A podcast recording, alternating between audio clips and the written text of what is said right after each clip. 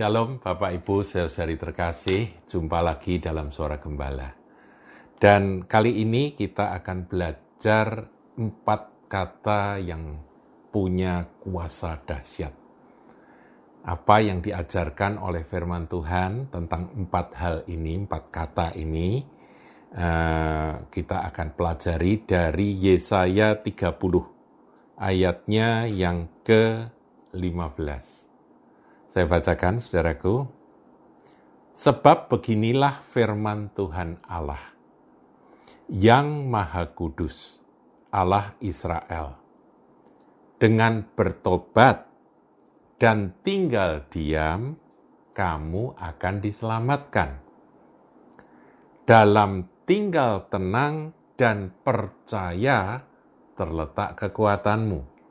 Jadi ada empat hal, saudaraku, yang perlu kita perhatikan di dalam ayat uh, Yesaya 30 ayat 15 ini.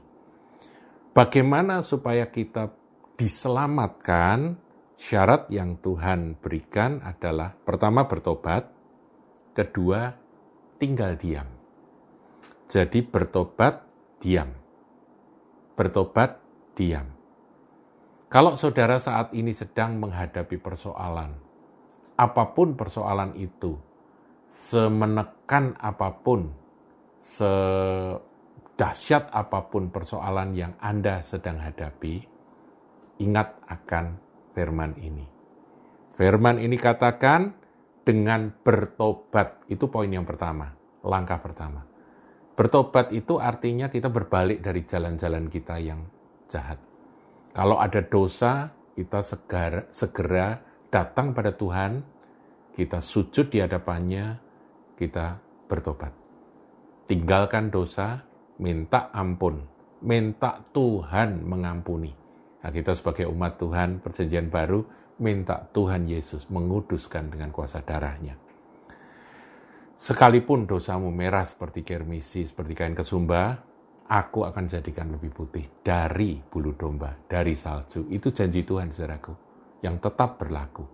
Jadi, ketika saudara sedang kena masalah berat yang membuat saudara sesak, membuat saudara rasanya udah nggak tahan lagi, jangan berbuat apa pun juga, tapi lakukan langkah pertama ini, yaitu bertobat. Nah, setelah bertobat, saudara harus belajar diam. Sebab biasanya di dalam tekanan masalah yang berat itu, uh, manusia itu punya reaksi-reaksi dan reaksinya yang pertama adalah kegelisahan. Kita harus mengalahkan kegelisahan terlebih dahulu. Di dalam Mazmur berulang kali Daud berseru. Berseru pada jiwanya sendiri. Tenanglah hai jiwaku.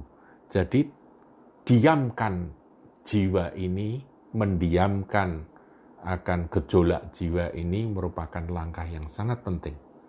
Untuk apa, saudara? Dikatakan kamu akan diselamatkan.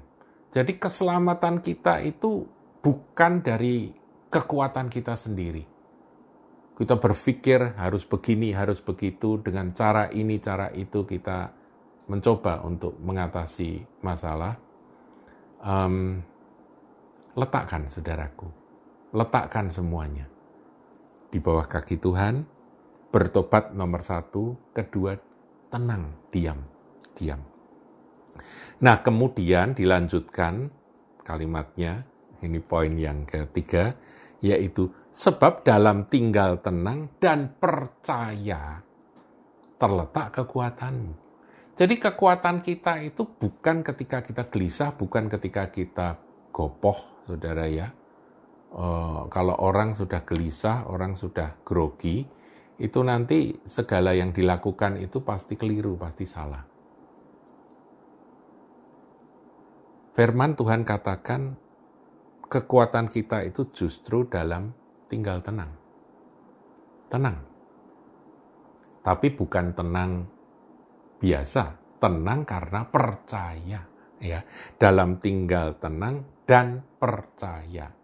Jadi ada empat kata, saudara. Yang pertama yaitu bertobat, kedua tinggal diam, jadi jangan berbuat apa-apa, kemudian kita terima keselamatan yang dari dia dan kemudian dalam tinggal tenang dan percaya sesungguhnya kekuatan kita itu ada di sana. Firman ini memang kurang kurang enak saudara kalau kita lanjutkan dikatakan tetapi kamu enggan. Dan ini memang merupakan gambaran dari hampir semua manusia saudara. Manusia kalau sudah kena masalah itu pasti nggak bisa disuruh tinggal diam, suruh tenang itu nggak bisa. Suruh percaya itu susahnya luar biasa. Makanya firman ini disampaikan supaya saudara ingat saudara pegang, ingat, jadikan pedoman. Ketika badai itu datang, bertobat dulu. Tinggal diam. Maka keselamatan itu Tuhan jamin. Kemudian dalam tinggal tenang dan percaya, di situlah terletak kekuatan kita sebagai anak Tuhan. Nah, kalimat berikutnya, tetapi kamu enggan itu nggak usah terjadi dalam hidup kita. Ya, ayat 16 lebih menyedihkan, saudara. Dikatakan, kamu berkata, bukan, kami mau naik kuda dan lari cepat. Nah, itu pakai caranya sendiri, pakai kekuatannya sendiri. Maka kamu akan lari dan lenyap, dikatakan demikian sama Tuhan. Katamu pula kami mau mengendarai kuda tangkas. Wah pakai cara ini, pakai cara itu. Itu yang bisa menolong kami. Maka pengejarmu akan lebih tangkas lagi. Kalau Tuhan yang berpekara, kalau Tuhan yang mau ambil alih masalah kita, dia menunggu kita bertobat dan tinggal diam, kita tinggal tenang dan percaya akan kuasa pertolongannya. Saudara saya ingat akan kisah umat Israel ketika mereka keluar dari Mesir, kemudian dalam perjalanan mereka sampai di tepi Laut Kolsum dan mereka melihat dari belakang itu eh, pasukan berkuda dari Fir'aun, dari orang-orang Mesir itu mengejar, saudara, mengejar mereka. Dan mereka ketakutan. Dalam ketakutan mereka bersungut-sungut, mereka jadi grogi, mereka jadi gelisah, mereka ketakutan, sehingga udah kacau balau nggak keru-keruan. Dan di situlah Tuhan berfirman kepada Musa, supaya umat Tuhan itu jangan takut. Dan kata-kata ini kiranya boleh menenangkan saudara yang saat ini sedang gelisah.